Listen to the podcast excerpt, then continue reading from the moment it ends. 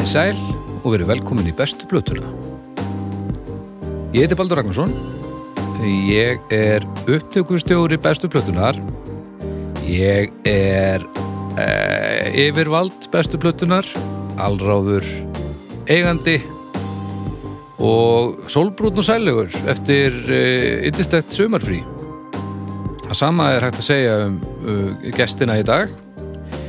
Þar eru annars vegar með uh, eitt doktor. Hann er í símanum, bara eins og ungling, hann er hérna í náttbuxum og í símanum. Það, og við erum með mitt að taka upp í Æsland. Einmitt, Uh, einmitt. Æsland sem opina allan sólurhengin. Hvað segirðu? Nákvæmlega. Ég segi rosalega gott í dag. Er það ekki? Alveg svakalega. Já, gott að þeirra. Uh, ég bara er í, í, í gríðalöfum fíling. Hvernig fór sömarið með þig? Mjög vel, ég var út í Berlín. Þú varst út í Berlín? Já, já, já. Hvað varst að gera þar? Ég var bara hanga. Varst hangi Berlín? Hangi Berlín með, með, með fjölskyldinni. Já, það er ekkert annað. Hérna, mjög gott bara. Njóta stundar. Já, Já, já. indislegt. Me- Menningaborg. Mikil menningaból. Þú er ekkert ákveð að fara heim.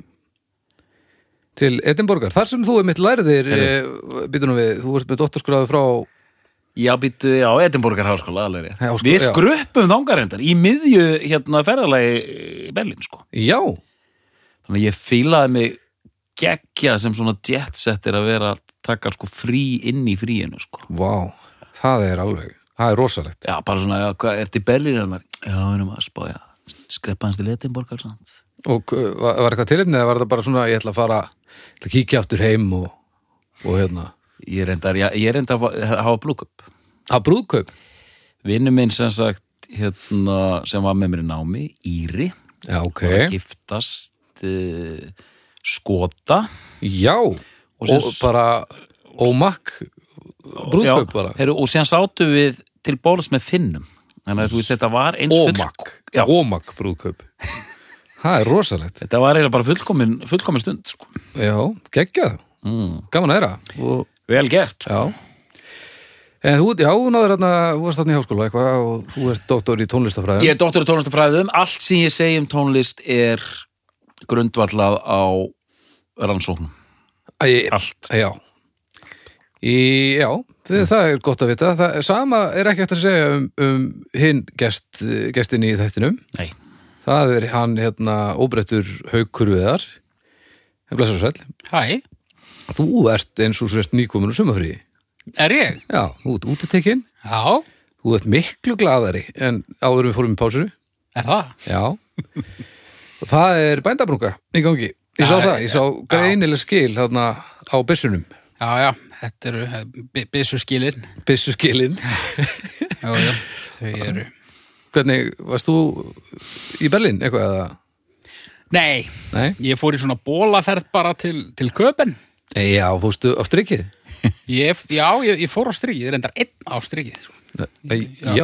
Ég, ég fór án fjölskyldunar á strikið. Ég var reyndar með yngsta í, í, í kerru. Ok. Við nefndum ekki þannig að ég, ja, annars fórum við ekkert á strikinu, sko. Fórstu í tífólíð og horfður á aðra að skemmta sér eða? Já, já, já, Já, já. Fórstu eitthvað tækið eða? nei. Það mig svo mikið. En keftur þú gallabuxur á strykinu? Nei, ég kefti ekkert. Er það venjan með það? Já, maður fer á strykið og kaupir sér gallabuxur. Já, er bara, er, er gallabækstabúðin bara aftur áttur eða hvað? Ég hef ekki komið á strikki ára tugi, sko. Ég fór í öll tækin í Tífóli í vor. Já, það. Já. Öll. Já, svona eins, eins mikið og ég komst í. Já, Ég ætlaði ekki að fara í neinn tæki en síðan ákveði að fara bara í öll. Já, já, í öll, sko. Ég fór reyndar í klessubíla í, í hérna bakken. Fór náttúrulega að fanga líka. Sko. Já, djúfisins fjölskylduferð. Já. Þú varst ekki að grínast með bólaferðina. Nei. Og svo fórum við yfir til Malmö líka. Fóruð þið? Já, já. Já, til að upplega síðjóð. Já, bara þannig ég geti strikað út á listanum. Sko. Já, já, Þetta er brú gott og. Já, já. Já, djúfisins, veistla. já. Fór á salerni í lest í fyrsta, fyrsta sinna á æfinni. Já, Það var nú eiginlega eins og bara tífólítæki, sko. nema þú mátt kúka. Já. Já, En hérna, jú, jú, þetta var fínt, sko. En, en, já, ég held nú samt að svona grunnurinn að brunkunni er, hérna, ég er búin að vera í málíkavinnu, sko. Þetta er bara íslensk brunga sko. Já, þú fórst til köpun og svo bent heim í málingavinn Já, Þetta er gott að heyra það ekki Jú, er, ekki, er ekki allt annað að sjá þetta? Þetta? Já. Jú, þetta er dásanlegt Já, gott Glæsilegt En, en þú? Ég er bara búin að vera ég- fór svona, tók svona útilegu ég fór bara ólinn í bara tjaldið og tengdamömmubóksið og já, já, já, út á land og bara löpum upp á hann hól og helvitis lúsmi og bara allur pakkin sko. svo brúðkaupu og, og svona hitt og þetta sko. Jú, jú, ég sá það. Já, já, og, og almenn gleði. Og svona hérna forpakkað grillkjöt og piknik alveg, já, já, kartöflusalat. Djöfull er ég búin að borða mikið kartöflusalat í sumar. Það er held ég lífsættulegt Heyrðu, ég bjóð til kartöflusalat í gær frá grunni. Já, og sko, ég var ausin lofi. Kapers eða? Nei. Nei, ok, uh, mistök? Í jalapeno Ú, já. Það er ekkert já, annað. Það er kartöflusalat Já, já, æfintýra æfintýra mennska bara er ferðið lest til, Ma- setjum til uppskriftina Malmö hérna inn á og, grúpuna hérna, ferðið lest til Malmö og þá ertu bara fann að setja jalapeno í, í kartöflusalat hvað, ertu bara orðin einhver ofur í það? Villimaður Erum við að fara að tísa fyrsta þáttinn á, á, á grúpunni með hérna, uppskrifta kartöflusalati frá hauki viðari? Nei, þetta, ég, þetta var enda bara, ég gerði bara eitthvað sko. En fe- fekk einhver annar að borða það? eða? Já, já, Já, ok Þannig að lofið var alvöru múur alveg. Já, já. þú voru að ringi mér næst. Ég er gríðalegur kartöflusalat maður sko. ég, það, var, það var afgangur eins og bara alltaf af kartöflusalati. Já, já, já, ég meina Ég ef geta það er ekki komið með í afgangur eftir boxið. að kartöflusalatinu þá kanntu ekki búa til kartöflusalat. Já, ég veit ekki sko, ég var ekki með alveg það margi mat sko, þetta voru svona þrjú kíló af kartöflur Já, En allavega, strákar, ég er ógeðslega gladur að uh, við höfum staðið við uh, endurkomuna. Já, staðið við dagsendinguna já, já, já. uh, örgulega margir núti sem að svona settu fyrirvara á þe- þetta lofvort sko. Já, ég myndi ekki einu sinni eftir því að það hefur verið lofórð fyrir einhver benti á það í ég. Það var einhver sem spurði, ég fór svona viljandi loðinn inn Já, ég ákvað að eyða því Já, að- kom Ef þú strax. gefur út plötu einhvern tíma, þá verður hún að heita viljandi loðin. það er alveg á hreinu. Haukur kom að miklum fítonskraft inn í þráðinn og Og OnlyFans líka. OnlyFans.com skrástrík viljandi loðin. viljandi loðinn Það er fyrsta sólaflandan Fyrir ekki að Nei, ég, ég- ég- ég- ég ætla ekki að tröfla sér Ég, fínu ég var bara að setja pressu á okkur þannig að við myndum ekki eitthvað verða of værukæri Þetta var mjög Nei. gott og hann hótaði líka alveg rosalega mannskap hann segi annarkort ger ég þetta með, með Arnari og Baldri Mm. eða valda koppasala og, og hérna Ólagir Ólagir Já, ó, ég mista þessu. Ég hefði aldrei tekið í mál að vera hérna í dag ef ég séð þetta. Það er eitthvað sem ég var til að heyra. Já, ég, Ah. ég, ég vildi líka fá vefjur eini í þetta sko Já, já, já, um að gera Heyri, þetta, já, við erum já. komnir og við ætlum að fara að tala um hluti og eitthvað er eitthvað að sponsa þetta drast hjá okkur í þessari viku?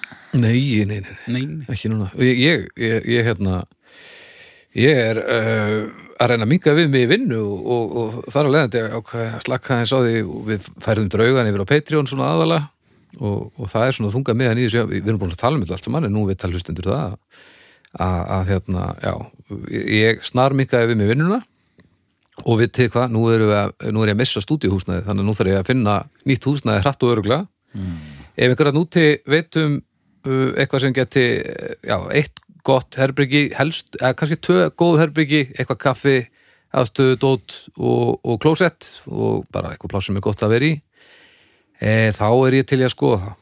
Af því að ég þarf að koma fyrir einhverstar til frambúðar. Já.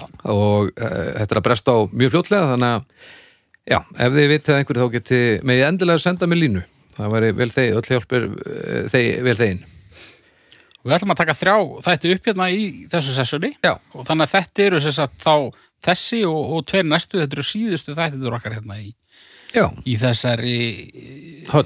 í, á þessu trainspotting closet vil ég segja. Já, og svo bara sjáum við uh, hvar við verðum næst. Vonandi verðum við bara í nýjum grunnbúðum annars verðum við að vinga þetta svolítið. Já, en ég menna svona lífið, maður þarf bara taka því sem kemur. En við ætlum hins vegar að fara að tala um tónlist. Er það ekki, ef ég mann rétt, þá snýst þetta um uh, það, er það ekki? Jú, Nú er náttúrulega svo langt síðan við gerum þetta síðast. nær engöngu En það er hérna, málefnum dagsins er nú heldur betur uh, listakona sem hefur verið uh, svolítið mikið umræðu upp á síðkastið. Uh, og gengið svolítið endur nýjun lífdaga í gegnum uh, bara popkultúr uh, það er þáttaserja sem, sem er að, var að ljúka. Var þetta síðast þessi sísón eða hvað? eða næst síðasta, ég veit það ekki alveg. En það eru þetta Stranger Things. Uh, og þar var líka reyndar annar band Metallica, það fekk nú sitt spott í, í, í þeim þáttum. En fyrst og fremst og hún naut heldur betur góðs að því það er hún Kate Bush sem ég ætla að tala um í dag. Já, þetta er aldeilis. Ah, og þú veist 27. ágúst þessi þáttur og það eru það er það, það er svona slatt af mönnum mönnum að sjálfsögðu að hafa lappað upp að mér undanfarið. Já, orðnir þyrstir í bestu plötuna sko. Já, já, það er að búið að koma aðeins til mín líka. Já, það er svona að spyrja hver, hvernig fer þetta aftur á stað? Já, það var að snúa, snúa þessa blöttu í ganga aftur Aldrei tala neitt með mig um. Það er að því að þú býð, ert nú ekki sérstaklega opinn fyrir svo- þessum um leið og einhver svona reynir að ná svona auksambandi við þig, þá ert þú náttúrulega bara að stara onni í jörðina sko. Sko, Já sko, við höfum lent í nokkru sinnum hérna að, að þættinur okkar að verða óvart svona topical eins og Deepest Mode þátturinn sem að já, hittist bara þannig á að hann, hann, já, hann var allur þarna, hann, hvað hann heitir? Andy Fletcher. Fletch, já. já, En þetta, þetta er alveg viljandi sko. ok. Kate Bush, hún var, hún var ofarlega í, í Excel-skjálinu góða. Eins og hún ætti að vera. En, en við stukkum á þetta tækifæri og, og, og ákveðum að hamra þetta heita járn já, og taka hana bara núna. já, mjög gott. Ég held að það sé bara, bara góð og rétt ákvörðin. það er vel tilfundið algjörlega og hérna og bara það verður gaman núna að velta þessari drottningu aðeins fyrir sér. Já, og fleiri drottningar eh, býða í, í, í röðum, enga, engar ágjörða því hlustundu góðir. Við erum búin að læna upp fleiri drottningum. Já, ok.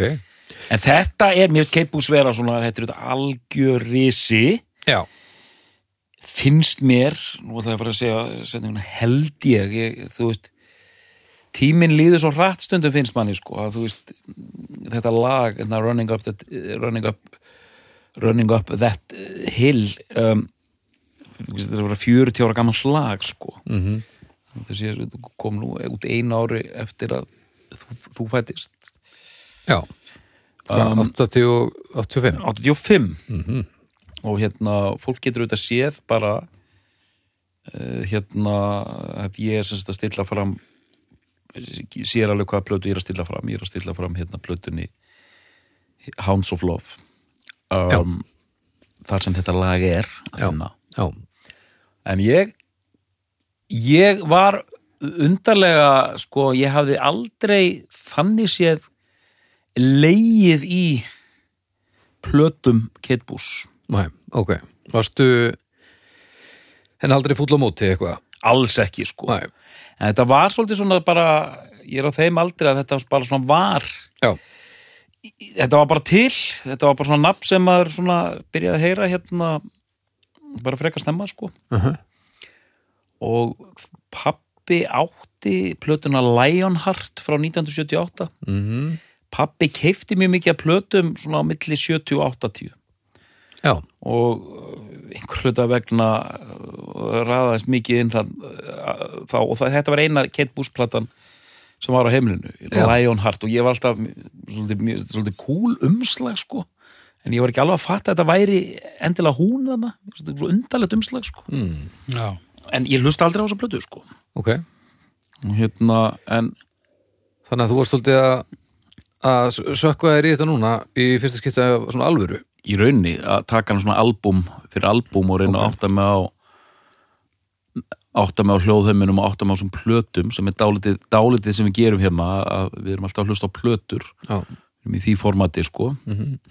Besti singullin, það er setna það er setna, það kemur setna og hún er þetta með nokkra mjög sterka singla. Já, ég myndi segja hún væri líka dálítið svona 80s fyrirbæri á margan hátt. Já, en kannski fyrst og fremst og við, fyrir betur í það að hún er svona rosalegt íkon mikill áhrifavaldur og fyrirmynd fyrir konur í tónlist. Mhm, að því að hún nær í rauninni áður en Björk kemur til sögunar þá nær Kate Boos að samþætta einhvers konar eh, almennar vinsældir við alveg heilmikla tilraunastarfsemi. Já, við skrít. Já, sem er bara uh, dálítið einstakt á, á þessum tíma og Já. dálítið sérstakt hvernig kemst í þá stöðu já. hvað segir þið? Haukur, hver er þín að koma? bara svipuð eða bara minni jafnvel sko Ok, ég hérna um,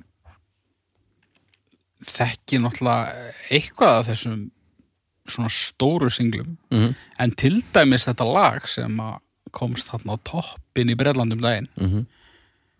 ég sko í þessari yfirferð þegar að röðin kom að þessari plötu og þessu lagi ég þetta ringdi einhverjum bjöllum sko. Mm. en þetta er ekki svona, þú veist, því að maður hefur heyrt eins og til dæmis Wuthering Heights og, Mhm. og, og fleiri lög hefur maður heyrt svona í nokkuð svona reglulegri rótiringu á einhverjum svona gullbylgju plattformum, sko já, ég þurfti að segja þetta á stað sem að, sem að er ekki greinileg, sko Já En hérna En nei, þú veist, þegar ég byrjaði á þessu þá voru þetta kannski 5-6 lög svona sem að ég þekkti ágætlega. Ok, uh, en hvað svona, hvernig leiðir gagvast inn í bara ágætlega sko, án þess að vita mikið en svona uh, það er eitthvað virðing þarna sko. Mhm. náttúrulega eins og þú segir samenar þessar mainstreams meginströms vinsældir og, og svo svona art art pop eitthvað Já, ég held að svona þeir sem vita yfir höfuð hún sé til en þekki ekki um mikið dótið, þau vita allavega að hún er mikið ækon Mhm. ógeðslega klár Mhm. og óhefbundin ég held Já. að þetta sé svona þetta sé svona stóru hlutinir sem að þú veist án þess að þekka hana vel sko. Já. Og svo skemmir það ekki fyrir hvað mig varðar að þó að það sé ekki lag eftir hana Mm. þá hefur hún hans mikla aðkomu aðlægi sem að ég held að ég geti fullirt að sé uppáhaldslægi mitt. Já, sem er hérna Don't Give Up. Já, með Peter Gabriel. Já, já, já. Ég, ég var að hugsa þetta ég held að það sé uppáhaldslægi mitt og ok. Og nú er ég alltaf með einhverju yfirlýsingar að þetta, þetta er besta lagi Já, já, þetta er best, en ég held að þetta sé bara það er mjög gott. svona gegnum gangandi ef ég horfi bara yfir allan þann tíma þar sem ég hef pælt eitthvað í músík þá held ég að þetta er allavega topp 5 sko. Þú vil er eitthvað 90s að eiga upp á slag já, já, svona. En kannski er að koma aftur núna með bara svona singla, stanslösi singlaútgáfi þegar fólk er ekki lengur að gefa út plötur þá... En þetta er akkur þetta lag, Hugur, það er saga? Það lítur að vera saga. nei, það er umlega eiginlega engin saga sko. Þetta er, svona, þetta, er, þetta, er, þetta er mjög fallegt lag, mikið ballaða. Ég, ég man reyndar, jú, ég man hvar ég sá myndbandi fyrst og ég held að það hefur verið á sama tíma og ég heyrði lagi fyrst. Uh, nú treysti ég minningum mínum alltaf svo illa nú voru þið sko. En eins og ég man þetta þá var stöð 2 hún var ekki farin í loftið en hún var samt hún var samt byrjuð að senda út? Einhverjum dögum eða vikum áður. Einhver svona tónlistar myndbönd Hitta fólki upp? hitta fólkið upp. Já, uppbytun og ég man þú veist, Fordreikur þetta var svona eitthvað eins og MTV ég reyndar vissi ekki hvað MTV var á, á þessum tíma hétt hét Music Box Þetta hétt Music Box hjá stöðu 2 eða bara þetta koncept Þetta er alveg rétt sem þú segir Þeir voru svona tilreina þetta búin að opna rásina greinilega dagskrá ekki byrjuð Já. og þá allt í hennu fengum við Íslendingar eins og við værum bara orðin ykkur hérna bandaríkjamenn bara tónlistamindbuð klukkan þrjú á nóttina sko. Það er, hvað sturlun og það? Þetta var bara geðveikt sko. maður bara wow og ég horfði mikið á þetta og ég man eftir tveimur lögum það var, Bang Banguls mikið spilað man ekki eftir því, ég man eftir True Colors með Cindy Lauper. Og svo man ég eftir þessu ég, þegar ég sá þetta, alltaf myndbandi mjög svona áhrifa mikið Hvernig er það? þau, þetta er bara svona eitt skot af þeim að syngja lagið í faðmlögum og já. það er sólmyrkvi. Já, það er öllu tjálta til. Já, þetta er flott, þetta er mjög flott. Monteg Áhrifaríkt. og ég hérna þetta, ja, þetta kveikt eitthvað í mér sko. Já, já og þú eru ekki jafnaði síðan ég jafna mig síðan sko. Nei. Þetta er nú alveg góðu grunnur svona ég held ég hef ekki akkurat á því mómenti bara ok, þetta er það besta sem ég hef skilur. Nei, nei, nei, er svona með tímanum sko. En þetta er gott veganest í, í þetta verkefni sem þú heldur í síðan í Já, ógeðslega flott lag og sko ég var ekkert tíma með yfirlýsingar hérna um að sko bandalaus bassi væri svo perralegur sem hann er sem hann er sko, en ég, ég held að þetta sé bandalaus bassi, hann er ógeðslega flottur sko. Ég meina, ekkert berralegur Ég man ekkert hvað þetta er. Hann er ekki perralegur sko. Er hægt að spila á bandalega sem bassa til dæmis eins og hérna Diamonds on the Soles of Her Shoes með Paul Simon? Það er sóðalegasta bass, bassalína. Allt á miljón og, og ég þarf bara alltaf að fyrir múlust á það. Er rosalegt. Og djöfull er það gott lag. Sitt já, já það, sko bandalaus bassi perralegur ekki, það er ekki sama sem merki á milli þess og hann sé alltaf drall sko, Þannig, en hérna já, geggjalag, geðveitt lag. Næs En hvað, hefur ekki bara aðeins að skoða Jú, hana? skoðum aðeins skatebús Ef ekki að gera það bara haukur? Jú. Við förum svona Þetta er samvinningaverkefni heyrðis mér svona, þetta, þetta, er, þetta verður, þetta verður samvinna. Í- Þetta verður alls, alls ekki samvinna ég, held að hann sé að fara verður doktorinn dregur vagnin og, og, Já, já, og svo. Hann röltir flýgur- haukur og eftir að veikum mætti í slafinu hann flýgur rellunni Já, og ég er svona á byssunni aftur í svona búin að skjóta í stélið eins og hann í Last Crusade. En svona reyna að drita á það sem ég sé sko.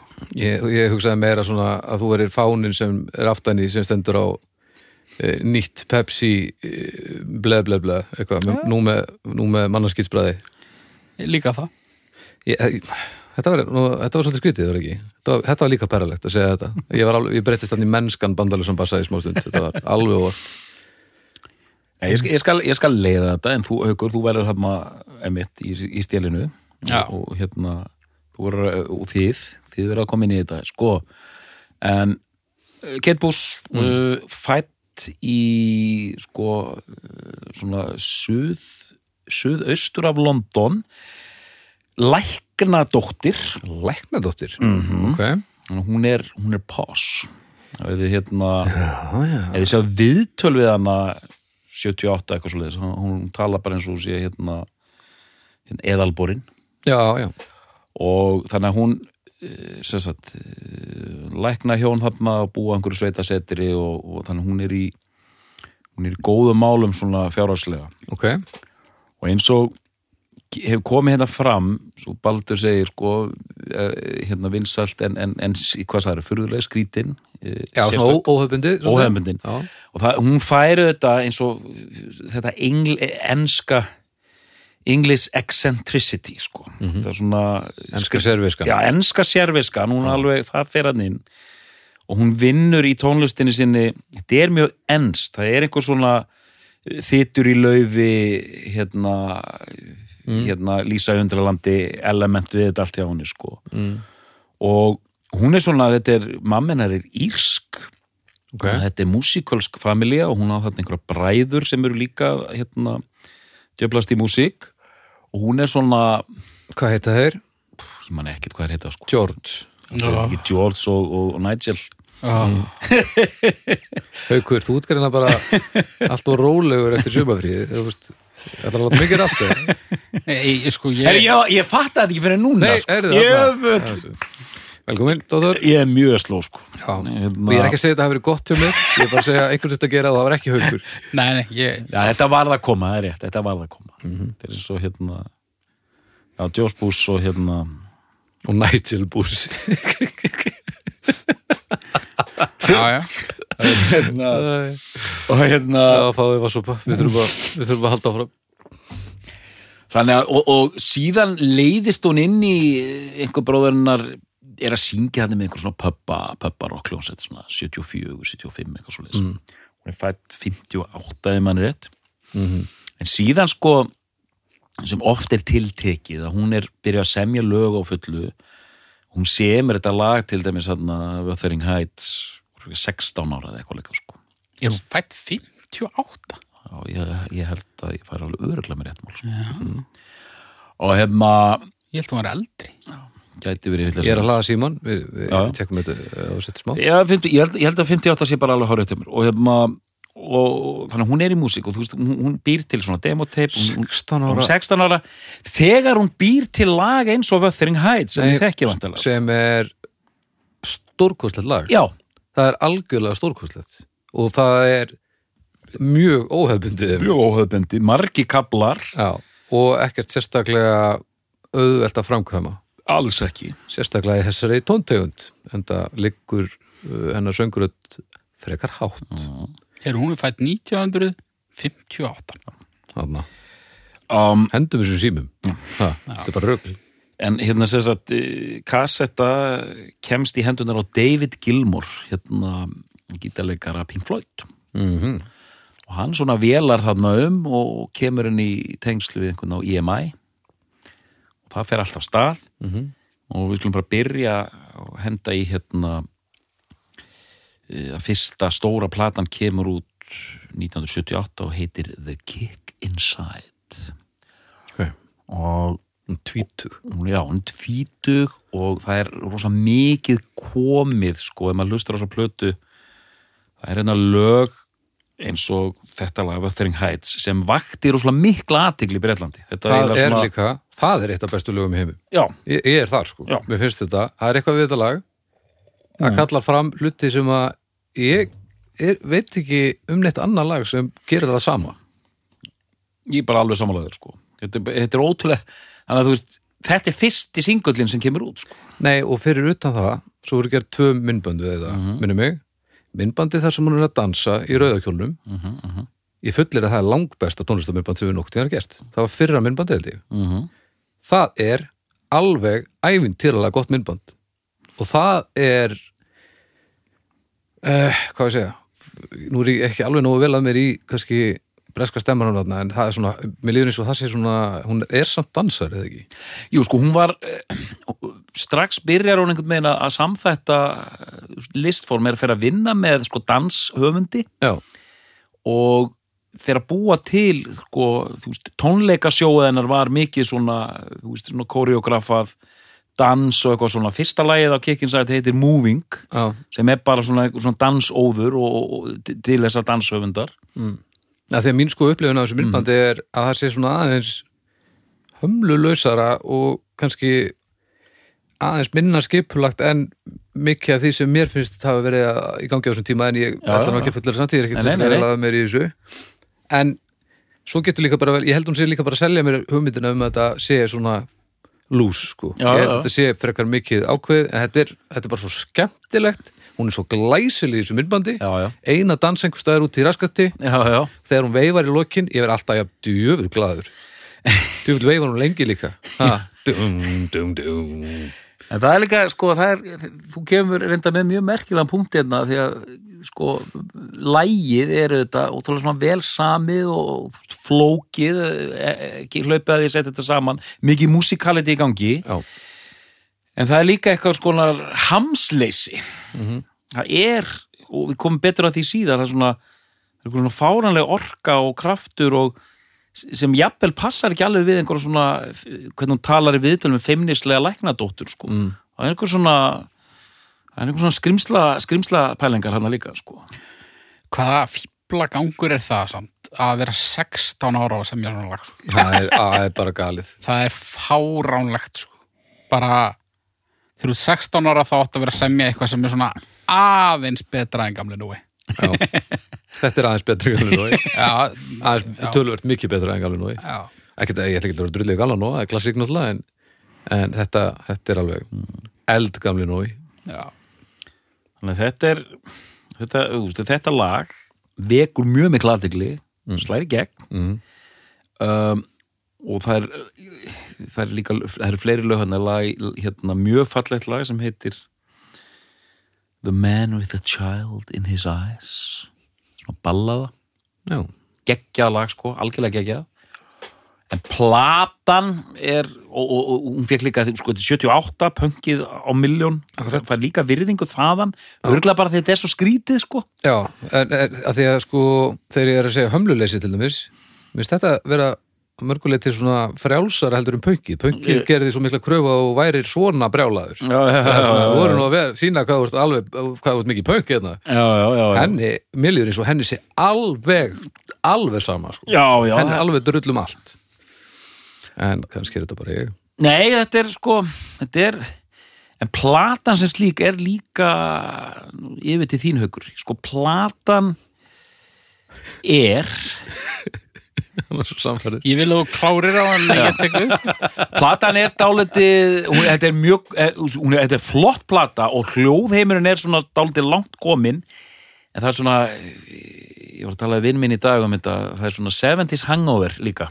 Mm. það er svona pubbarocks uh, feelingur líka. Já, það eru lögharnar sem eru bara svona eh, er svona, eh, já sleft þessu bara. En ég er, hún er fucking tvítug, sko. já, já, þetta er, þetta er Bara ef þú ert búin að setja vörun hæts á fyrstu plötunina og þú ert tvítug, þá má halheimurinn geta mannaskitt. Sama hvað. Sko ég, ég stilli fram þessari blödu Já, þetta er platan Og- sem við hlustuðum á þegar við byggum saman. Er það? Heima, já.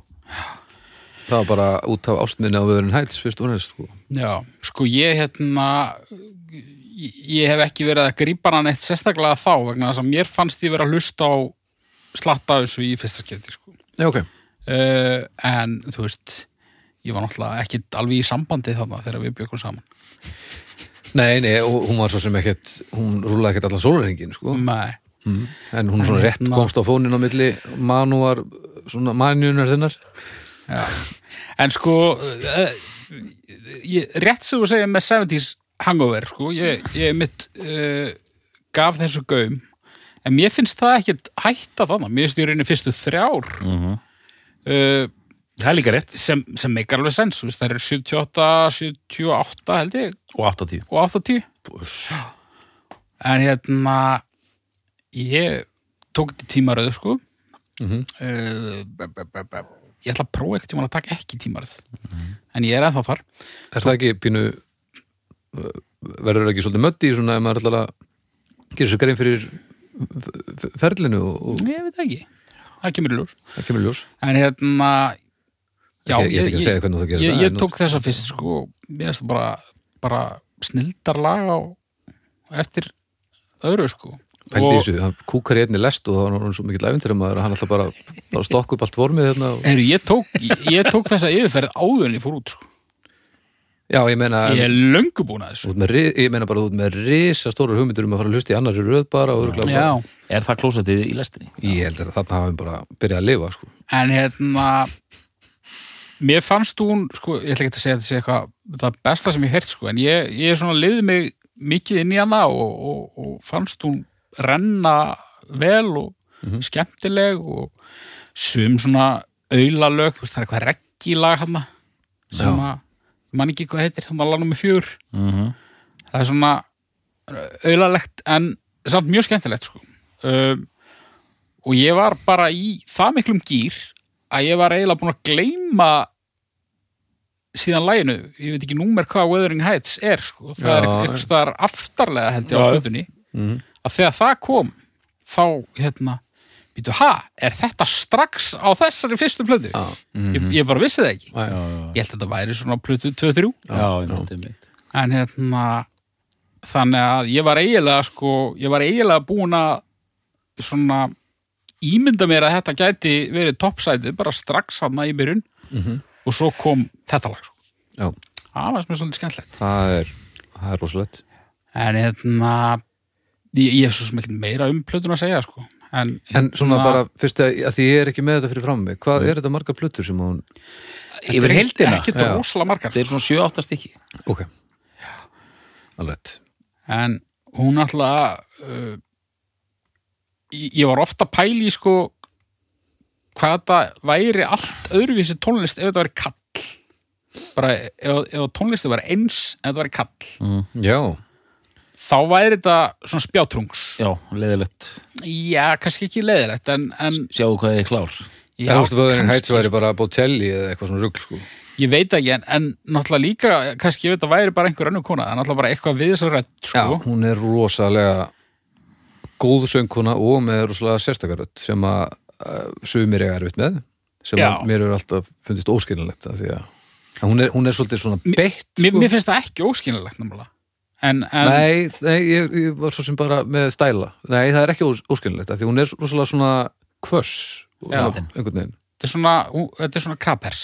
Býtu, dóttorinn er búin að dóttor Já, nei, ég, ég, ég hlakka svo til að heyra frá söng og söng að meira stórsöngurinn um Hauki og Baldri? Já, trallaranum mínum, við erum trallarar, ég og Haukur nei, ég kemst ekki þann upp sko Nei, það kemst enginn þarna upp nema, nema hún og, og Helga systir og, og, og einhverju Nei, en ég, ég, ég horf alltaf til þín baldur þegar við fyrir að greina söngrættir, ég treysti mikið á, á, á þína fagmennsku Já, þar. já, gríðarlega reynslu uh, í þeim uh, efnurum Hún er, þú segir, hún er hátt uppi og röddin er, þú lýsir henni hvöss rödd. Já, hún er svona, hún er svolítið já, skerandi. Skerandi. Mm. Þú veist, þetta, þetta er svona Já, ég, get, ég, veist, ég er ekkert góður í að staðsetja hvað hún myndast en þetta er svona nef, neffílingur einhver. Og svo er náttúrulega einhver einhver brjálaður út sem veit hvað er að gerast en hún er ofbúðslegt vald á henni. Hún, og, og svo bara liggur öllurinn alveg ofbúðslega hátt í tóni. Hún kemst alveg ævintilega háttu mm þannig að það er held ég, þetta er alveg svona sport hjá söngkonum að þetta er svona eitt af lögunum sem að ef þú, ef þú fer í karukju og neglir þetta þá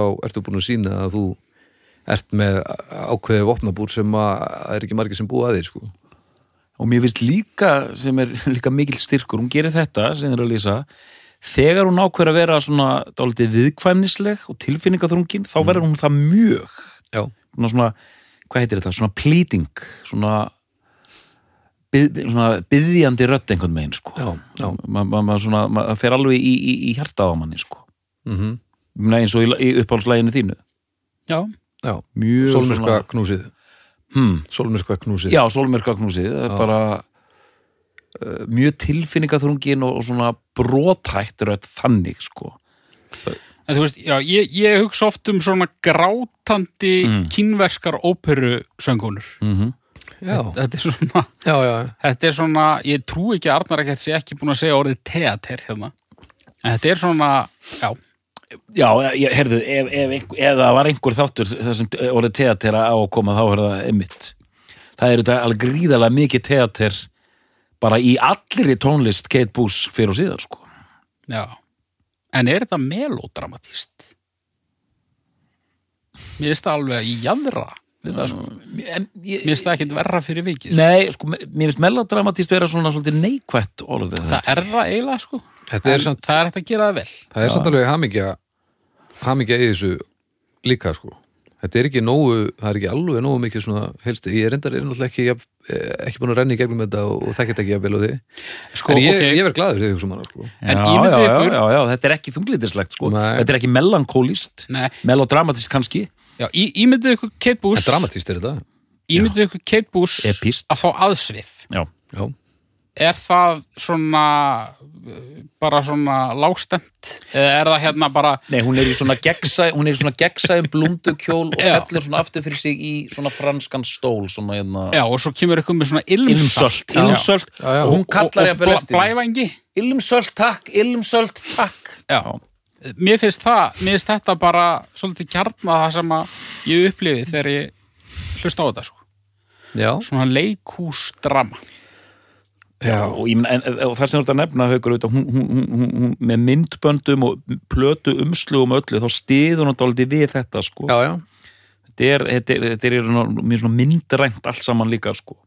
og þannig upphafi þú veist, eh, þegar hún kemur fram og svona var auðvitað með eh, hún fór á, tónleikaferðalag sem var gríðalega mikið teater. Mm og hérna eh, en, en, en sko túraði einu sinni hætti því síðan já, er það? já, hún bara hún, hún kom aldrei fram live ég held að þetta hafi verið tónleikar svona 78-79 Mm. sem bara hætti hún að koma fram live alveg og snér aftur 2014 eitthvað svolítið sko Hver var ástæðan fyrir því?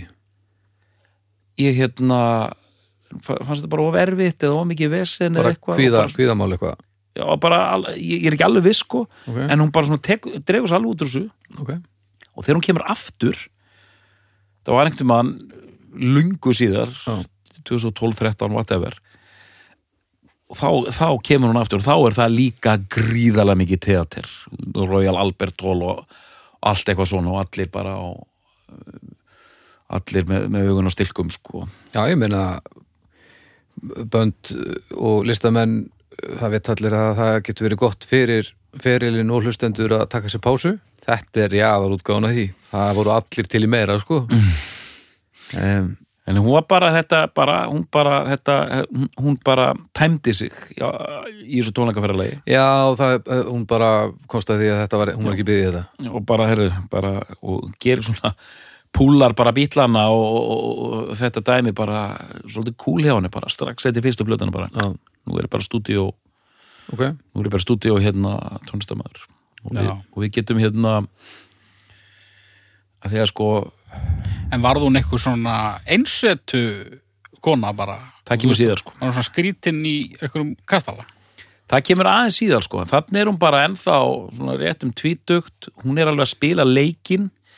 Og þarna er hún á kærasta sem er í bandinunnar mm uh, ég man ekki hvað hann heitir sko en hann er, hann er svona Bassalekarinn hann já, hann er svona með alltaf sko og uh, já, þannig en, en hún, þú veist, hún er að gefa út hjá stóru fyrirtæki er alveg að búa til svona pop og tekur alveg þátt í sko markasetningu og svona. -hmm. og við ættum kannski afgreða því að það er alveg að setja þessar þrjár fyrstu saman 78, 78 og 80 og tvær næstu Lionheart sem kemur út bara nokkur mánuð síðar sama ári Mhm. sem kemur hérna uh, plata 80 sem heitir Never Forever eða ekki aukur? Ég man ekki hvað hann heitir. Never Hann Forever. Babúsku platan. Já, ég held ég að bara búska sig á Lionheart sko. Ég ætla að fara aðtöga hvað er mörg prósent Nei, í ég, ég, held að það sé fyrsta lagi á þriðju. Babúska, Já, ég held alveg örgla Allavega, þessar tvær plötur eru þær eru bara dálítið e, já, svona ekkert sérstakar á einhvern fáránlegan hátt sko. Aðna plata 2 og 3 Já, Já, svona Það eru ágæðar sko. 44% við látum þetta döga þær eru, já, þær eru ágættar sko. og, hérna, og þær eru kannski helst ágættar fyrir það að Sko, það er Kick Inside. Lionheart mm -hmm. Never Forever einmitt nefur fór yfir Já. og að, hvað er Babushka? uh, uh, Lægið Já, Helst þú að væri á Ég held að það sé fyrsta lagið á Never Forever þriðum plötunni Þá best að ég opni hana og sjá hvort þú hefur rétt fyrir þér Babushka Já, já, Sturlað lag. fyrsta lag ha. Gott lag. sturglaða lag Gekkja lag um, Já, Það er svo, ég man bara eftir þessu lagi þetta er svona Skrítið lag í skrítið lag Alveg svona Korter í pirrandi. Mikið svona, já, mikið teater og tjáning og, og svona teater og tjáning teater og tjáning og hérna og myndbandi, hún svona mikið, mikið það er svona þessi mikið niðri fyrir þessu lagi líka sko. Já, ég man eftir þessu myndbandi Það var spilað svolítið á við svonin eða eitthvað tíma 90s Ég þekki þetta þaðan sko. en þær- þessar tvær plötur eru bara við erum að tala um að þær eru þær komast nú ekki nálaðt kick inside en hérna þær eru þetta ágættir fyrir það að þetta er Kate Bush og hljóðheimurinn er þessi ævintýra blær yfir öllu hlaðin lög alltaf. Mikið í gangi. En það vantar samt þetta er ekki alveg nú samfærandi verk einhvern veginn sko.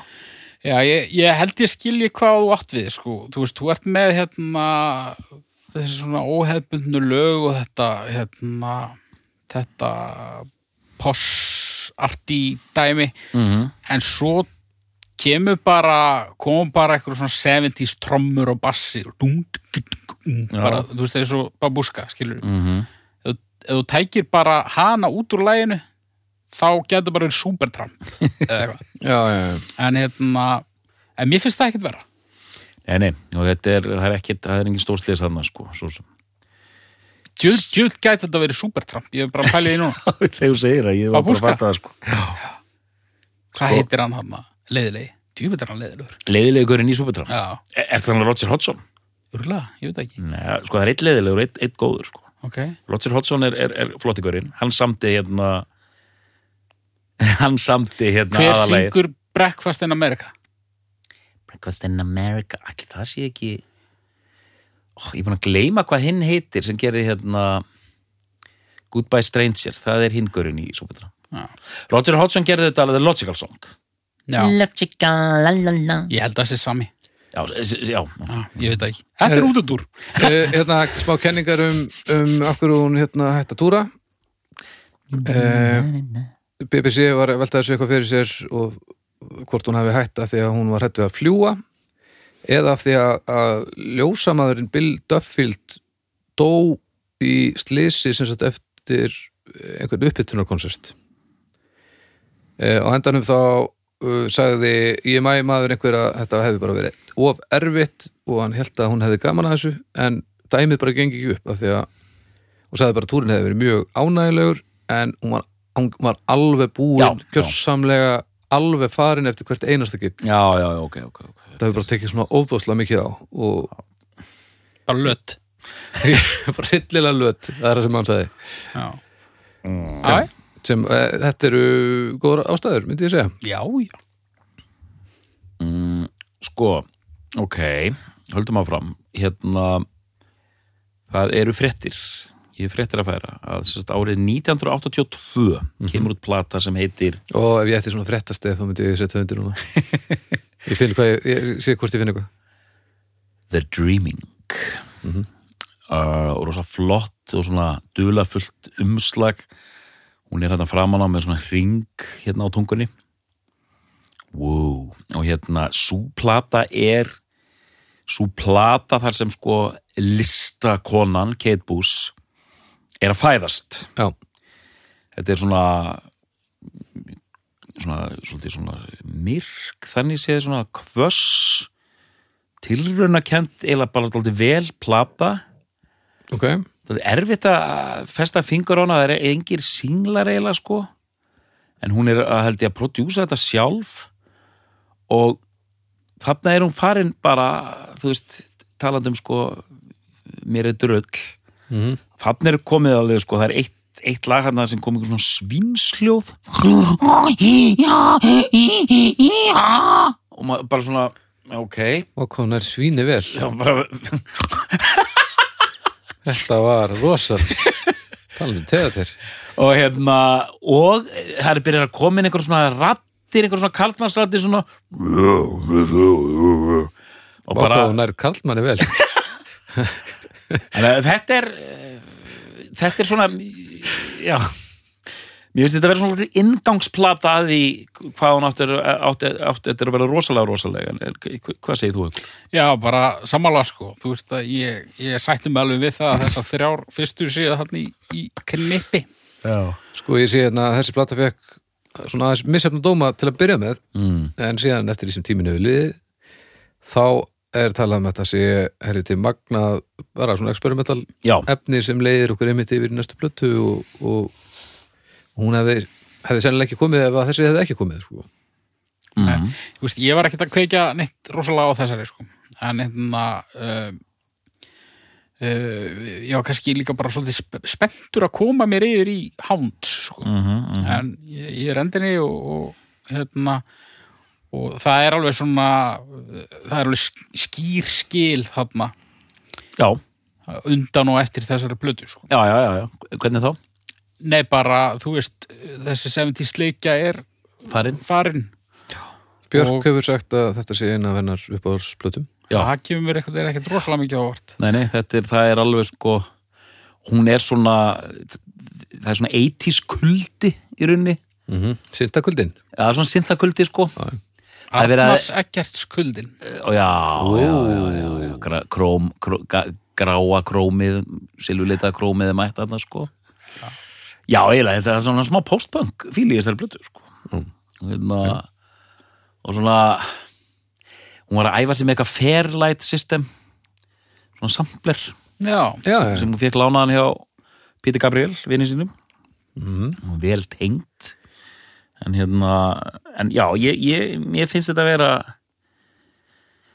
já, þetta er svona þetta er svona millis þetta er svona ingangur finnst mér að einhverju leiti experimental uh, experimental dót sem að bara einmitt leiður okkur annað. Leiður okkur annað sko. Og þá, þá vil ég bara nefna að við þurfum að taka smá tíma í að því ég var, það hefði hvað sem er geta gerst í þessari yfirferð, að því að eins og ég saði hérna upp að ég þekkti þetta ekki það vel, en ég, nú er ég bara samfærður að hérna að Hounds of Love sem kom út 85 er besta plata Get Bush. Ok, og þetta er fáránlega plata því að hérna hún er eiginlega tvískipt sko. Á fyrri hliðinni eru svona singlar þannig séð. Já, fjögur, fjö- fjögurlega fimm singlarnir. Og bara þar er sko Running Up That Hill sem er rosa lag. Ég hef alltaf hérna mér hef alltaf fundist þetta lag eitthvað svo svakalegt sko. Er bara, það er eitthvað svona Var svona, það hennar stærsta lag alla tíð, eða, eða er það mér, í, sko Wuthering Heights eða þetta lag sko Já, ég held einhvern veginn, ég þekki Wuthering Heights einhverju luta vegna Já. miklu betur sko. Já, þau tvö eru svona svolítið, ef, ef þú setur á This Is á, á Spotify þá koma þessi tvö lög. Já, ég get ekki gert það núna af því að það er búið að lita niður stöðunar upp á síðan Ég held að Wuthering Heights sé samt svona hva, hvað sem var þegar þau komu út Já. þá er það svona lagið sem að veist, er í endalusri spilun á hérna, gullbylginni Já, Running Up That Hill er með aðeins fleiri spilanir þessa dagana. Já, Það er aðeins búið að taka fram úr. E, Wuthering Heights sem er 138 miljónir 708 og 769 á Spotify.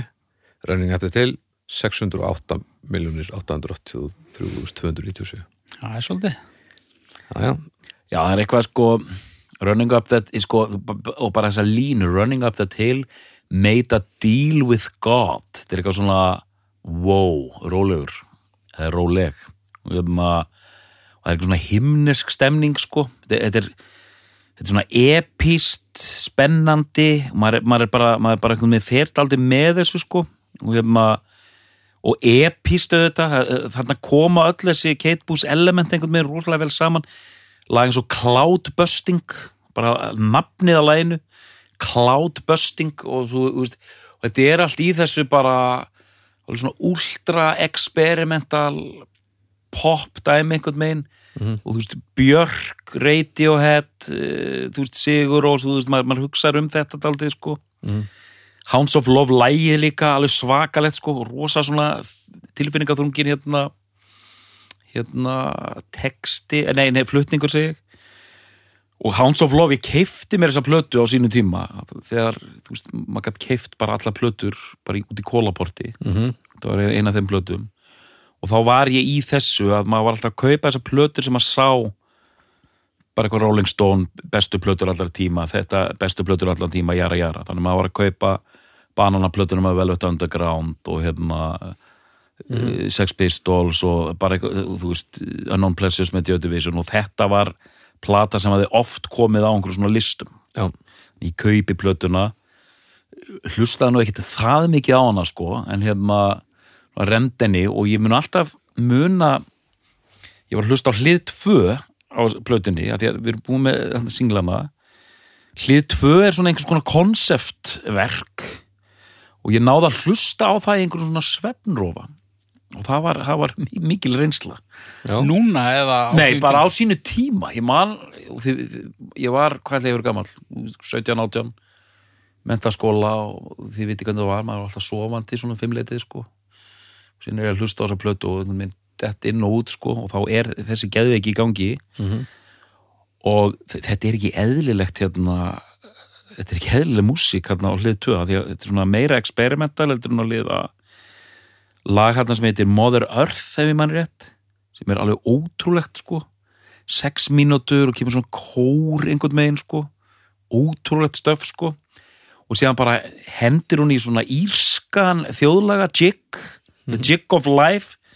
Og ég man því að heyrði það, ég hugsaði bara wow, bara ætlar að bara henda inn einhverju ískri, ískri stemmi eins og ekkert sé sko. Mhm. þannig það er svona hugrekkið og, og, og mér er drull elementið er bara á miljónanda sko.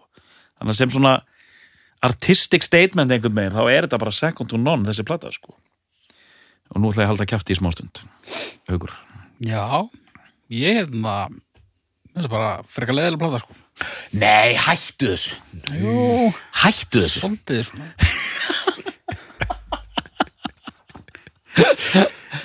Ég, sko, já Ég er farin að hérna- halda að hann gerir þetta viljandi sko Ég er eiginlega farin að halda það líka sko en, en hérna En mér þú bara, ég veit það ekki, sko. Hún er, hún er, mér finnst hún ógeðslega 80s. ok Og þú veist, þú talar um experimental sem hún er vissulega, sko. Mhm. En hún er samt svona, mér finnst hún alveg vonda 80s, sko.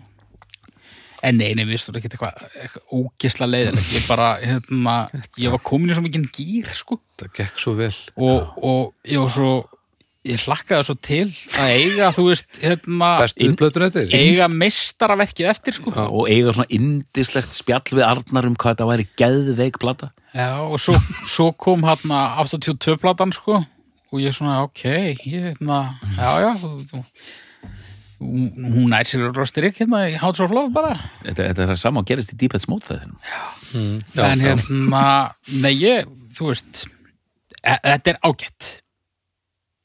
Kannski er ég vandamálið, ég veit það ekki. nei, nei, En hérna, ég, sum lögin að það sem ég man nú ekki einu svona hver voru, þá var ég bara eitthvað, ok. Og þú veist, alveg svona, á setni helmingnum með nei, ekkert endilega, sko. við erum bara að tala um singlana Ég, við erum með running Sko- up þetta til Cloudbusting, það er Já. ágætt. Hounds of Love, The Big Sky það var líka singull já, Er það geggja lag. þrjú? já. Já, mist það leiðilegsta lag á plötunni.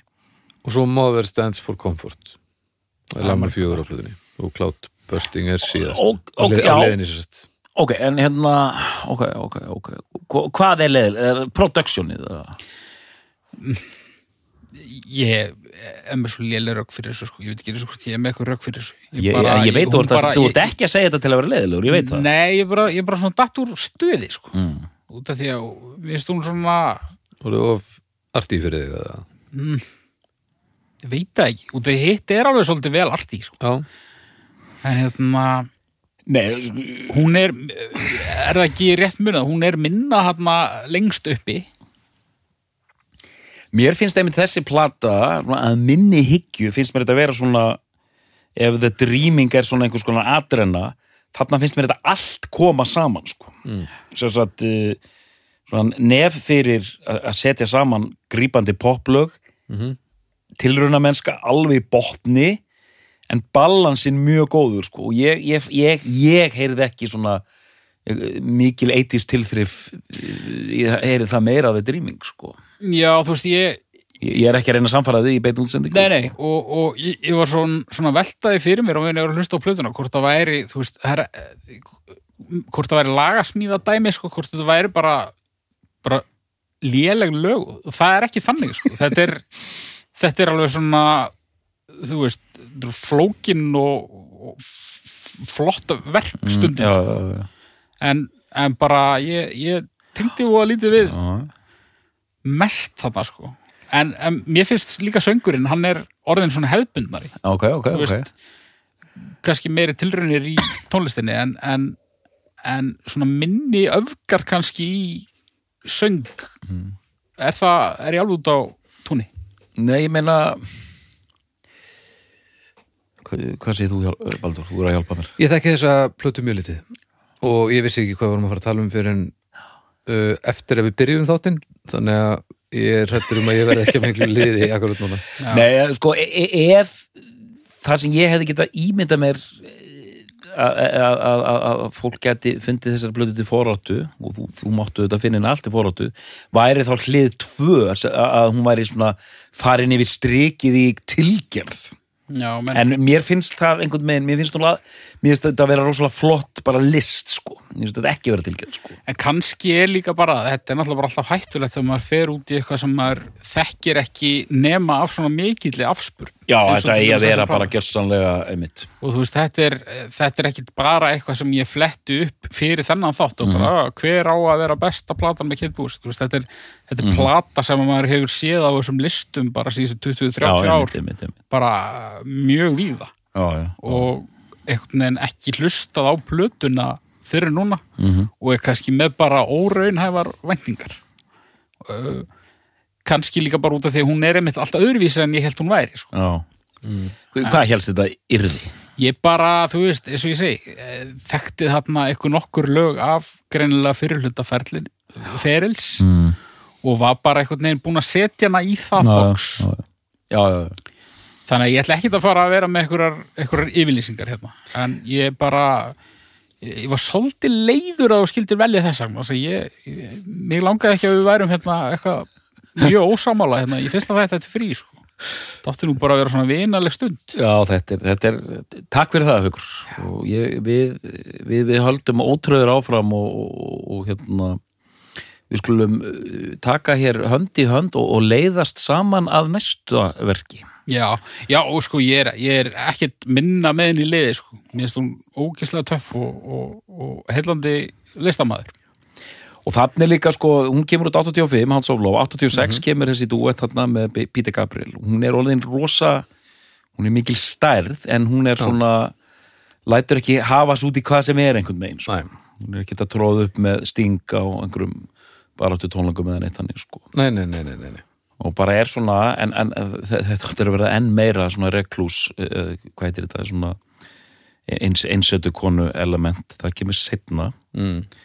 en uh, síðan kemur plata árið 1989 sem heitir The Sensual World. Mm og það er svolítið þetta er mjög, þetta er góð plata en fyrir mig var þetta í fyrsta skipti sem að byrja að heyra svona venjulega Kate Buss-plötu í einhverjum fáránlegum skilningi Já. hvað segir þú? Það Ég, hefði nú, ég hef nú ekki droslega mikið að segja um restina af fellinum, sko.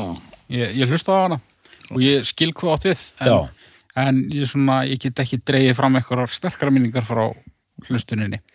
Já, því að sko hún getur þetta ekki fara að gera þú veist, Hounds of Love er svona svona einstakt verk þú veist, þú setur hlið tvö er bara einhvern veginn samhangandi konceptverk og með þessi lög cloudbusting og running the till lalala, þannig að síðan kemur fjórum ára síðar, þetta er svona síð átta sko. Mm. og hún, alveg, hún er með sinn hljóðheim þetta eru alltaf rosa busy lög sko, endalösa rásir sko. Og alveg töff lög en, en svona það er einhver svona það er byrjað að koma inn einhver svona ég, ég ætla ekki að segja hún sé orðið miðaldra þarna en það er bara svona hún er einhvern veginn að setjast álitið í sitt mót sko. Hún fær ljómandi dóma fyrir hann já, þetta og, og reynda restina ferlinum Já. nema einhver einu sínusmjör og, og ég er að segja og þess fyrir utan þetta alveg, og þetta er bara kontekstið ef, ef, ef við tökum að bara einstaka ég er að bera þetta saman sko, þú veist, ef, ef, þú veist sem bara slíkt þá er þessi sensual world bara væri talið meistaraverk sko. Já, og líka bara- ein- einhvern annan sko. Líka ef það liggur fyrir úr búin að búið til mestarverki Já. þá er ágætt að fara kannski ekki aftur sömu Nei. leið og fokka því nei, nei, augljóslega upp að því að það mun aldrei ganga upp heldur bara breyta hans til og, og fá fanta dóma fyrir það sem þetta er Þú veist, er það ekki, ef hún er að horfa í dómana ég gerum ekki grein fyrir kannski er hún bara að gera það sem henni sýnist en sko síðan sko fjórum ára síðar þá komum við að því sem ég, ég vil nú kalla botnin ok, á hennar Má ég aðeins bremsa það? E- Þetta er út úr úr, sko. Já. Bara formulegur út úr. Ég er að hugsa um Endilega. hljómsveitir og tónlistafólk sem að byrjuðu fyrir 1980 Mhm. hvaða dæmum munum við eftir sem að áttu gott ár 1989 segjum, gefum í 87-89 bara late 80s er þetta ekki svolítið slæmur tími fyrir rosa marga Jú, ég veit alveg hvað þú meina Þetta- aðlugunar, er við aðlugunar tími ef þú ætlar að vera með mennur. já, ég veit ekki ég Þetta bara, ár 1989 er eiginlega sko, þetta er, þetta er svona mesta held ég millibils ástands ár bara ever sko. Til þess að versta árið í sögu músitiluna var 1989. aha, 1988 þá sigraði hérna hljómsveitin hérna Jójó með, með miklu miðurburðum. 89 var það hljómsveitin Laglausir frá Hafnafyrði hmm, sem hætti tveimu vikum eftir músitilunni sko. Mm. já, 90 komu naflastrengir og síðan kom 91 Sororasett já. og ég held að segja að þetta færa ég held að segja að þetta sé bara alþjóðleg krísa sko. það er eitthvað þinga Já. Bara svona, þú veist, ég er að hugsa um bara, þú veist, þessu Kiss og Stones og eitthvað þannig, svona 70s stótt, sko, sem alltaf alls ekki eitthvað sama dæmi og Kate Bush, Nei, ég meina þú veist, allir einhvern veginn komnir í einhverjar skirtur og fólk er svolítið sko, tökum bara eins og, eins og, eins og INXS sem toppa 87 já, eða toppa ekki, en þú veist, vinsalasta platan er Kick. Já, síðan sko er það 70s band? INSS, Já, Já, varst að tala um 70s band Já, bara svona, þú veist. Að Þeir myndir alveg sleppi í, í þá hérna. Já. Jú, jú, þannig séð sko. Það voru fleiri sem áttu erfitt 89 hökur já, já, en þú veist, þú veist að tala um bara eitthvað eins og, þú veist, Já, fimm ára, hörmulegt ár. Bara, þú veist, Jackson og Madonna, jú, jú, við getum fært fyrir því að Jackson sé 60s listamæður, uh, en, en hérna en svona gömlu hundarnir voru kannski svolítið að svona emitt Tom Petty var ekki út sitt besta stöf eða eitthvað, 89 er það? Nei, ég, já, ég, ég, ég tók þetta svo sem sko, við, við ættum einhvern veginn að taka bara heilan þátt um álega 1989 Já. og sálgreina aðeins Bara betur. svona hörmungar þátt Það var nú ekki gott júru svona ár fyrir Íslandinga Nei, emitt Nei, það var bara niðurlæging Hvað var það? Það var elsku besti Daniel Ágúst Já. hann, hérna, hann var ekki að selja Evrópu lægið hans valgers sko. Nei. fólk var ekki alveg að kaupa þetta. Herri, ég ætla að hérna, lýsa þessum út úr, út úr uh, lokið því við þurfum að eiga nógu efni fyrir 89 þáttin sem verður brunnar úr styrinnar Sko, uh, 1993 kemur plata sem er uh, sko, innan gæsalaba versta plata Kate Boos Já. The Red Shoes. Það er eina platan finnst mér í hennaferli þar sem ég fæ svona s- hérna, snertað aularhrolli sko. Já, ok Já, ég held ég viti hvað að tala um það, það er, þetta er ótrúlegt með, með svona mistara eins og hún er sko, það er svona, wow þú veist, það, það, þetta, þetta er líka hægt þannig sko. Hvað, hvað klikkaði? hún er, sko, í fyrsta lagi er hún ekki fókuseruð, hún er að skilja við mannin sinn kærastan hann Mm. hvað sem hann heitir, höfum maður bara nafnlösa byrja með nýjum gaur, eignast batn og svona og eftir að þessi plata kemur út þá verður hún eins einsetu kona, sko. Mm. og og við erum að tala um sko rúmlega þrítu að manneski, við erum að tala um hann eins og þessi áttrætt. Já, nákvæmlega, nákvæmlega. Og þetta er svona Já, De Del Palmer er það Já, já, Del Palmer sko. Hérna, e, Platan er bara þetta er ekki góð lög. Þetta er, það er einhver rosalega þreita þarna sko kemur eitthvað lag sem er einhvern með svona reggi fílingur í? Já. einhver, svona karabíu fílingur sem er alveg ömurlegt og bara mjög ósamfærandi plata frá, frá okkar konur sko. Okay. því miður. Því að hérna svo ég svona loki síðan bara þessu að því það er ekki mikið eftir af, af þessum hluta um blöndar eh, 2005 kemur út platan Ariel. Já, en það er ekkert ekki, já, fyrir ég er nefn þá í skónum. Mm. Það er aðeins gestagangur. Já, byrju hverjir er þetta Prins. Já, prins. Og komedian Lenny Henry Eric Clapton Gary Brooker, Jeff Beck Trio Bulgarka. Já, já, það er brjálega að gera bara Það var- það var hringt í alla. Já, fyrir ekki sko, e, það eru bara tvær plötur raun eftir, það er Ariel sem kemur úr 2005 mm mér finnst svo plata mjög góð. Hvað ára hún segir 2005 já, svo plata er sko þannig er hún, hún er róleg uh, það er einhver svona reisn yfir henni, það er ekki þetta er eiginlega taldi öðruvís heldur en það er ekki svona mikið læti, þetta er ekki eins hlaðið. Þetta er svona meira svona ambient feelingur og umslæði svona taldi undirstreka það kannski sko. Hún er tvöföld þessi plata og mér fannst þetta bara, hún rúlaði bara uh, það, það var engin aularhóldur þarna, mér fannst þetta bara fínt. Já. fínt og flott og gott. Og leið bara vel sko. Er hún hérna, byrju, svo er eini viðbót ekki? Sem eini viðbót sem er eiginlega bara, hún er frábær. 50 words for snow. Já, þar er hérna mjög gott múf fyrir krómaða Arnar. Að hérna hún er svona pínu dökk þessi plata, mm dálítið experimental ok. og bara töff múf er 2015 eða eitthvað. Já, 2015 Það er rosalegt. Nei, nei, nei, nei. ég hlusta á hana eiginlega alveg með raskatinu sko. Hvernig, 2000 hérna, 2011, segi ég. Hvernig er röddin hennar svona 2015 2011 2011 2011 uh, hún er kannski einmitt, hún er kannski komin í læra reg- register sko. En ég einhvern veginn hjó ekkert eftir því sérstaklega sko. Með en mér varst að gefa út plötu sem heitir 50 words for snow og fá Stephen Fry til að les þylja upp 50 orði við snjó. Og hérna það sem er gert að þetta er- eitthvað átta mínúna lag og ég held að fyrsta lagi sé tíu mínútur eða eitthvað sko. Ok, þetta er svona, skal bara fletta þessu upp fyrsta lagi, nei, nei, nei, fyrsta lagi 9.52 já, 9.52 Já. næsta lag er 11 og láta næsta lag, já hvað er í gangi hérna Þetta er svolítið, já, þetta er svona no fucks given plata og mér finnst þetta bara eina, eina af hennar betri plötum, sko. Þetta er virkilega sterk plata og kemur út seint af ferlinum, sko. Þannig að hún er með, hvað er þetta sem er talið hérna í diskografíunni á milli, það er ykkur, Director's Cut já, þetta er ykkur svona remix. Ninth studio album by English sing songwriters It contains no new material consisting of songs from earlier já, já, okay. Þannig að sko, já, hún var að taka í gegn 89 Sensual World og Red Shoes og remixað og, og, og, og hún var aðeins að taka til í þessu. Já, já, ok. Gamla triksið. já, Já. það er- en það sem hjálpar að eðlilega, eins og í, svona, í, í popfræðunum, að vera emitt, láti ekki ná í sig og gefa engin viðtöl, þá þetta byggir upp góðsögn, sko. Lindó Ja, Lindó sko og hérna og hún einhvern veginn er alltaf á, á því svið einhvern veginn sko já. Þú var satt að meika það fyrst, sko. Það þýðir Já. ekki að vera bara í bílskúr. það eru mjög margir í þessum bransa á miljón það bara veit ekki hverjir eru þannig að Já. þetta, er, já, þetta virkar eiginlega bara þegar þú ert búin að meka það Já.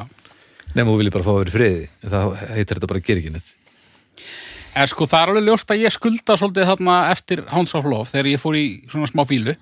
Um, ég er alltaf að lofa einhverju upp í erminn á mér en, en ég, ég tek kannski upp þráðin aftur bara. En, en uh, mér finnst þið svona kannski áður en að áður en að baldur fyrir að rukka okkur um uppgjör hérna uh, svo- svona stóra samhengið. Þú Já. veist, á hún til dæmis inni á hún inni svona ellismedla comeback.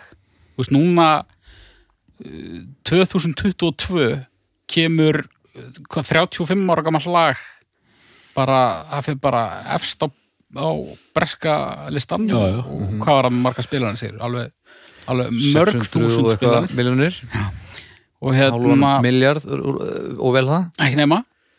Uh, þú veist er hún að fara að gera eitthvað með það? Er hún ekki eiginlega of cool til að gera eitthvað með það? Jú, jú, jú hún, ef hún er að fara að koma með eitthvað svona hérna, Rick Rubin plötu, er það ekki bara eftir 15 ár? Jú, sko, þetta er þetta manneskja hún myndi aldrei, þetta er ekki manneskja sem fer út á götu og böska með, með bónó, sko, það er alveg ljóst, sko, Böska með Bono? Böska með bónó, sko. Sem er nýtt hlaðvarpið mitt hérna hjá Já. hljókirkjunni böskað með bónó Já. um, Já, sko já, þetta er, þetta er góð spurning, Haukur hérna, ógeðslega margir myndu bara, væru bara í hljóðveri núna að hamra já, já, þetta sko. nei, nei Já, já, já. já, já, já, já, ég skil aðteglina, sko Já, ég er bara eiginlega enga trú að hún myndi gera það. Alls ekki og hún er stöðugt í fréttum þrátt fyrir eh, li- lindóið og hérna og sko stóra samhengið mér finnst einhvern veginn eins og ég nefndi hérna þr- þrátt fyrir að þessar plötur hafa kannski ekkit farið neitt gríðarlega hátt Arial og hann 50 Words for Snow Mhm. en þetta eru góðar plötur þetta Já. er engan þetta er ekki einhver gamall listamaður að- að- að að- að að gera eitthvað sem er körrent eða eitthvað sko og þú veist, það er kannski ekki nýtt til dæmis á Arial en hún bara heldur rosalega vel Mm. þetta er einhvern veginn ekki til að skamma sér fyrir og mér finnst eiginlega 50 var svo snó og gott betur þar, hún er eiginlega bara svona wow, ok. Hún heldur einhvern veginn í það sem hún er þekkt fyrir að- pússa dálitið og gera bara svona hérna e, svona enga refjar og svona hvað hva, hva er orðið hérna, svona uncompromising hérna, afdráttalös verk sko. Mhm. eina dívan finnst mér er þannig Red Shoes sem er svona, þú veist, eitthvað 90s, það var bara ekki að virka Mm. allt fram að því bara virkar mjög vel tók sér líka 12 ára pásu já, það. já. og allt eftir Red Shoes virkar mjög vel Já. og hérna og síðan er stundu talað um og þú veist, hennar, hennar legacy er alveg, alveg rosalegt sko og hérna, sko þeir sem telja hana sem áhrifavald listin er ævintýralegur það er rosalegt sko. Veginn það er bara einhvern veginn þannig sko. og þú veist það er oft talað um sko, Björk, ég, ég skrifa einhvern veginn grein Kate Bush með fyrir svona hinn breska Björk. Já, Mér finnst það ekki eitthvað fjara lagi, sko. Nei, svona, náttúrulega miklir Kate Bush menn og konur myndu náttúrulega uh, vera Já, já. því að hún náttúrulega var hann á undan en, en, en, en Björk er náttúrulega engin, engin hermikráka. En maður heyrir alveg maður heyrir alveg element sko og reynda bara í sko rosalega mörgum kannski ég veit ekki hvort að hlutfærslega fleiri en allavega mjög mörgum íslenskum söngunum mhm, Svo við tökum bara eins og Ólöfu Arnalds og, og jafnvel bara út í mammút eða eitthvað, mhm, mhm. Þetta er rosa svona mikið tekið hérna, svona fara dundra sér þarna efst upp og, já, og attitút og, Mhm. og læti, sko. En hérna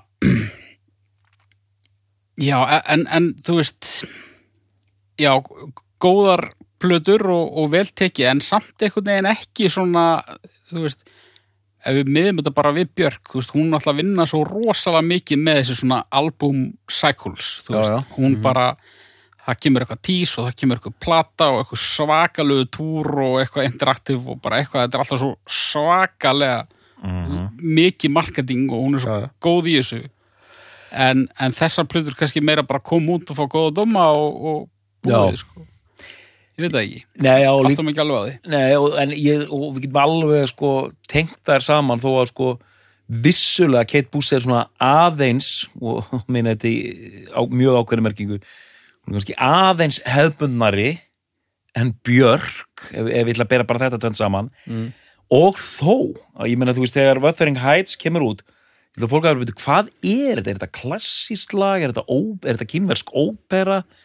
Hvað er í gangi, er þetta progg, hvað, hvað djöfulinn er þetta sko, og síðan er þetta bara svona einhver, einhver svona undrabann sem verðist vera, vera, vera dæla þess út frá einhverjum, Já, einhverjum óðalsetri þarna í Englandi sko, þetta er, þetta er eitthvað svo skemmtilegt sko. Já, já, bara eitthvað tvítu kona að gera svona dót og bara uh, semur allt uh, allir textar, syngur þetta og þú Já. veist þetta er bara svona einhvern veginn þessi nálgun sem að uh, svona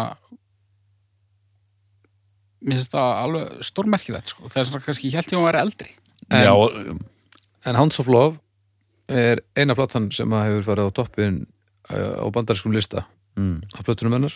ok Það var árið 2022. Pæli í hvað það er fyndið. Það er rosalegt. já, Við erum líka sko líka eitt uh, ég mitt, þegar The Dreaming kemur út, þar sem hún tekur bara stjórnina og gerir þetta sjálf, þá er hún 24 ára Mm. sem kemur Hounds of Love, þá er hún 27 ára sko Mhm. og hefma þannig að þú veist, þetta er alveg alveg, alveg, alveg magnað sko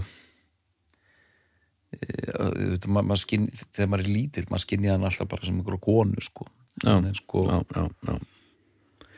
Skilji. Já, svona alveg, alveg, alveg, alveg magna Já, einmitt, og ég ætla að segja Hans of Love kemur hann hún er 27 ára og, og svona ótrúleg svona marka þennjandi plata og þú veist, ég sé alveg líkindi bara með, þú veist, þeir Radiohead gera okkur kompjúter og svona sko. Mm.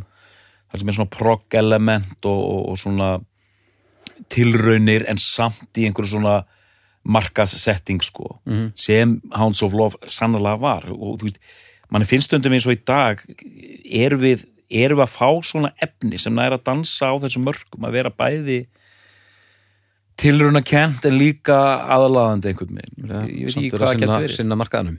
já, meina, þú veist ég veit ekki, Lana Del Rey það er samt svona venjulegt þannig sko Jó, þú veist, Flórisendi Marsín og eitthvað já, svona. já, já, Dót, einmitt, sko. já. Það sem er svona eitthvað eitthvað öðruvísi í gangi en, en samt alveg fyrir fólk.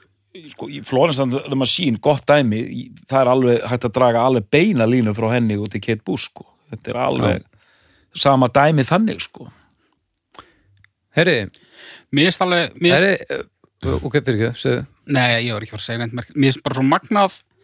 Mér er svo gaman, sko, mér er svo gaman þegar plötur heita nákvæmlega það sem það er eiga að heita út frá útgáfa ári og hún er með tvær þannig, sko.